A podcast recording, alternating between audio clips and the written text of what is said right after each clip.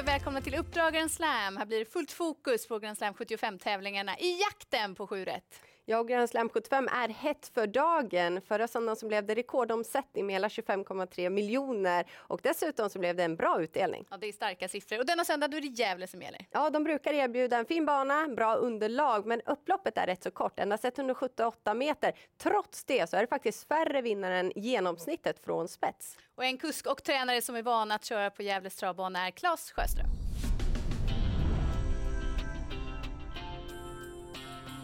Vad är specifikt att tänka på när man ska köra eller spela till Gävletravet? Banan är rund.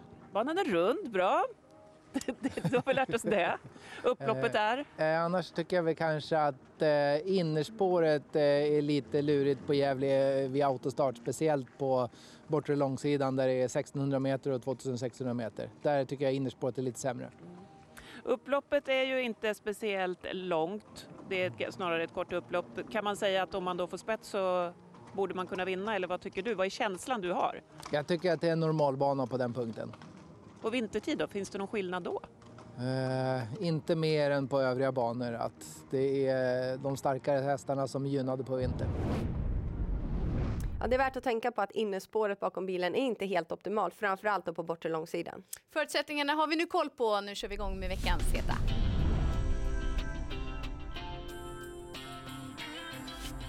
Jag tycker att den andra avdelningen ser svår ut, men ändå fastnar en hel del för två Plata at Work som har haft en träningsperiod och laddat batterierna. Han har tidigare visat att han har gjort det bra mot rätt så tufft motstånd. Så från det här fina utgångsläget, då tycker jag att han ska räknas direkt i comebacken. Och går vi till den tredje avdelningen så fortsätter nummer två Uret att imponera i Monté. Han har nu fyra segrar på fem försök under sadeln och han vann ju väldigt lätt när han gästade Östersunds Grand Slam-tävlingar för tre veckor sedan och visade då en väldigt härlig explosivitet bakom bilen. Jag har svårt att se honom förlora och tycker att det är den hästen som har högst vinstchans i hela omgången. Instämmer. I den sjätte avdelningen så startar nummer två Gigo Lalamark som har tränat bättre än han har tävlat. Man har sett i loppen att ja, men han springer lite med handbromsen i. Men nu är det äntligen ett bra läge och eh, det låter som man gasar från start och hoppas stanna i ledningen hela vägen in i mål. Du åker eventuellt på ett helstängt huvudlag igen och det kan få honom att tända till lite extra. Och Sybille Tinte som tränar, ja hon har riktigt bra stallform. Det är 23 i segerprocent. Ja, det är fina siffror. Någon som trivs väldigt bra på hemmaplan, det är ju fjolårets kusk och tränarchampion Oskar Kjellin Blom och han har en spännande häst i avslutningen. Nummer 9 Zac Breeze eh, som verkligen börjar hitta den där toppformen igen. Han har nu tre lopp i kroppen och avslutningen senast den var rejäl. Han fick endast ge sig mot en smygkörd konkurrent och den här korta distansen, ja den gillar han. Han har vunnit V75 på den tidigare. Och den sista heta hästen hittar vi hos eh, veckans profil och det är Sveriges segerrikaste kusk. Självklart är det Ulf Olsson då. Han hade ju hela 329 segrar under fjolåret. Han vill inte vara sämre i år. Han har börjat i januari med 21 segrar.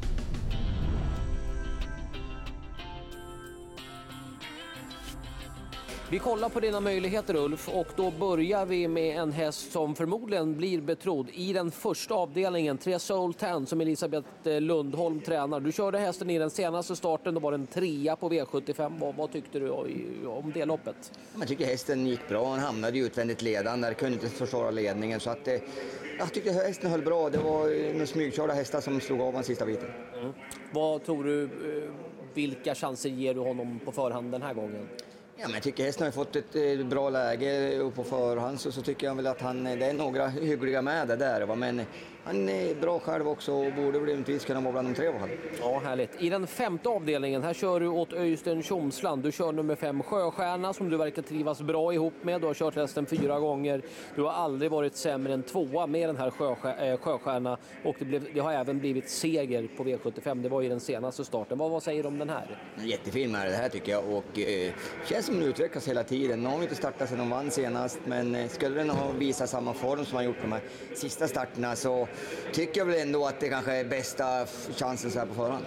Det är en bra häst det där med andra ord. Jag tycker det och loppet också, som det ser ut så ska det vara en bra chans så här på förhand. Ja, och så i avdelning 6 här kör du Jazz Hanover åt Petri Salmela. Den tog alltså fyra raka segrar som treåring.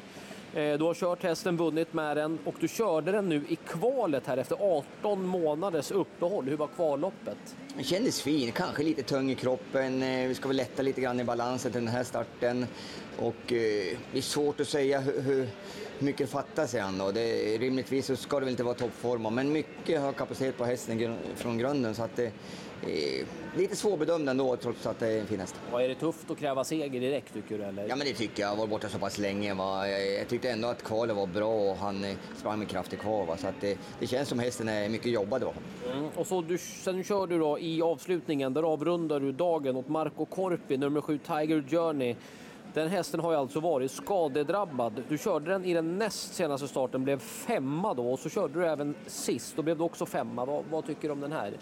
En häst som, som, som nöter på och kanske inte vinner så ofta. Va? Och, eh, ja, jag har svårt att bedöma riktigt eh, formen på den och hur långt fram den kan vara. Men vi smyger med och ser om vi kan ta en bra placering. Ja, bästa chansen, vad tycker Ulf på förhand? Det är väl Tjomslandshästen där. Ja, jättebra. Sjöstjärna ja. Ja. Tack så mycket. Tack. Och vi håller med Ulf om vem som är hans hetaste chans och det är nummer fem Sjöstjärna i den femte avdelningen. De trivs ihop. De gör verkligen det. Hon har ju också tidigare visat att hon klarar sig på fyra i volt och det är inte helt omöjligt att hon kanske kan köra sig till ledningen i ett tidigt skede av loppet. Och tränaren Oyster Tjomsland, ja, han är också med på tåget för han har fina 28 i segerprocent i år. Och från våra heta hästar så går vi vidare till veckans kalla.